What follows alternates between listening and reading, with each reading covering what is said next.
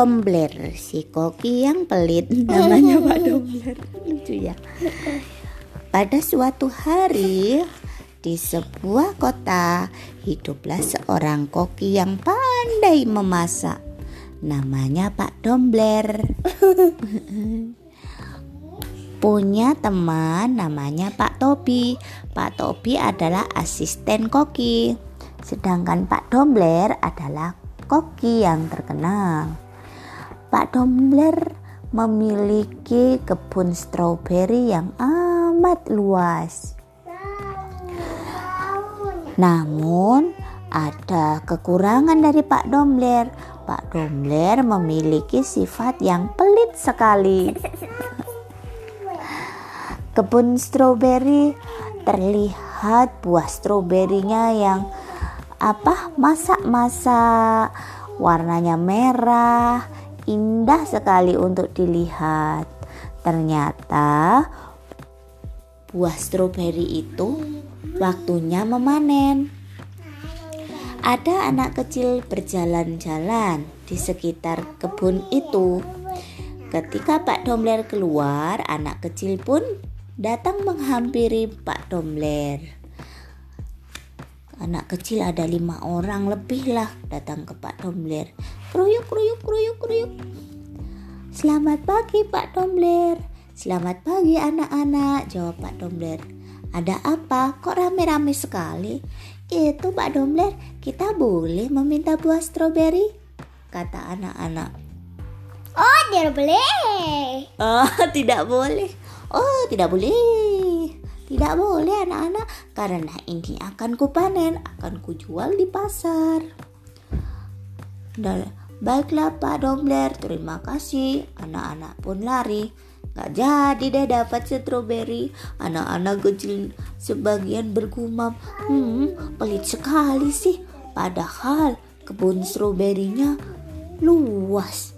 Buah stroberinya banyak sekali. Hmm, kita kan cuma minta satu sampai dua biji saja kan stroberi agak asam kita kan nggak suka yang asam-asam kata anak-anak. Ber, itu uh, berapa stroberi ya? Iya berapa stroberi. Lalu datanglah Pak Tobi. Wahai Pak Koki Dombler saatnya stroberi itu dipanen. Kalau tidak segera dipanen, maka dia akan membusuk di pohon. Apakah saya boleh membantu untuk memanen stroberimu? Wah, dengan senang hati. Ayo kita panen bersama-sama. Ah, Pak Tobi senang ikut memanen. Hingga akhirnya ada lima keranjang besar stroberi. Pak Dombler, boleh tidak aku meminta stroberimu sedikit saja akan aku buat selai. Oh, tidak boleh. Oh, tidak boleh. Oh, tidak boleh, kata Pak Dobler. Oh, tidak boleh. Karena seluruh stroberi ini akan aku bawa ke pasar. Oh, begitu. Baiklah. Ah, Pak Tobi pulang dengan sia-sia, dengan apa rasa yang capek karena habis bantuin tapi nggak dikasih sedikit pun. terus terus habis itu karena sudah kes, sudah seharian nih sudah seharian ngambil stroberi tuh capek deh Pak Dombler Akhirnya dia tertidur sampai pules sampai hari esok. Dia terbangun. Apa? Kok sudah pagi aja nih? Aku kan lupa tidak menjual buah stroberiku. Coba aku cek dulu buah stroberiku. Lalu Pak Dombler pergi untuk mengecek buah stroberi yang ada di keranjang. Tidak, ternyata stroberinya banyak yang busuk akhirnya dia buang yang busuk ya yang tersisa tinggal satu keranjang Ya, sia-sia deh yang empat keranjang telah membusuk. Tidak jadi amal jariah, tidak jadi pahala deh. Terus Pak, Aduh. terus nanam lagi Pak Koki. Enggak, nunggu dulu. Ini kan satu keranjang nih. Ah, tinggal satu keranjang. Mau saya bawa ke pasar? Terlalu sedikit. Aha, aku ingat si Tobi. Si Tobi kan ada ide bikin selai. Ah, satu keranjang ini akan ku buat selai. Ah, akhirnya dibuat selai sama sama siapa tadi? Pak Koki. Pak Koki, Pak Dombler. Dibuatlah selai. Selai matang, jadi lima toples.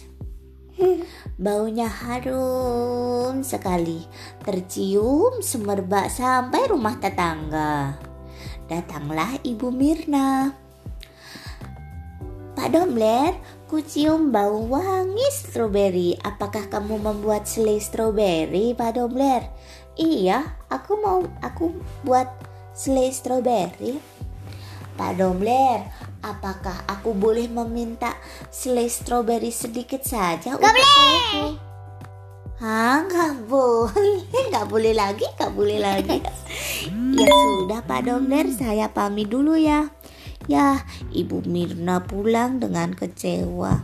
Padahal aku pingin sekali selai stroberi asli. Hah, Pak Dombler kelelahan karena habis membuat stro selai stroberi satu keranjang. Dia kelelahan. Akhirnya dia lupa tidak menutup toples isi stroberi tadi. Tadi dimakan, diambil, Oh, oh. diambil ulat. oh dia ambil tikus.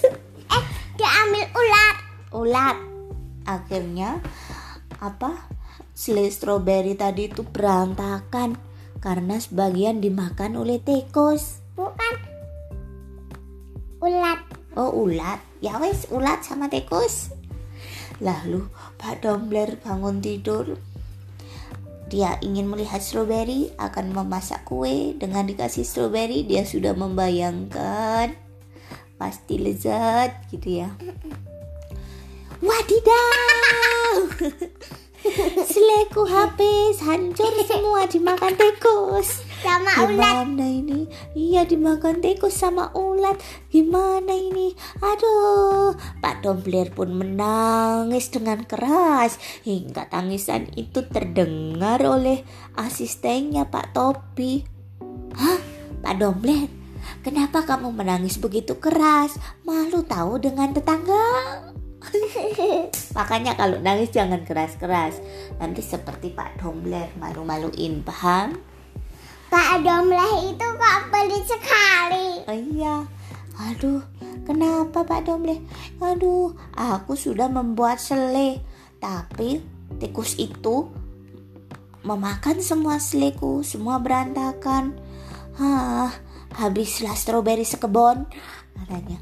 Makanya Pak Domble, jadi orang jangan pelit-pelit. Akhirnya apa yang kamu miliki tidak jadi pahala, tidak jadi amal jariah. Makanya bunda kalau kalau bikin bikin sendiri kan ka- kan orang-orang kan juga bikin sendiri. Iya, makanya yang suka berbagi jangan pelit kata Pak Topi. Nanti kurang. Eh, eh.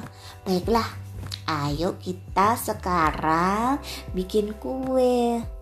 Kita bagi-bagikan ke anak kecil, ke Ibu Mirna, ke tetangga-tetangga. Kasihan mereka telah mengharapkan stroberimu tapi tidak kamu kasih. Iya, ini ada sisa, ada sisa sedikit selai. Ayo kita buat kue, lalu kita bagikan ke mereka. Lalu Pak Domble pun membuat kue dibantu Pak Tobi.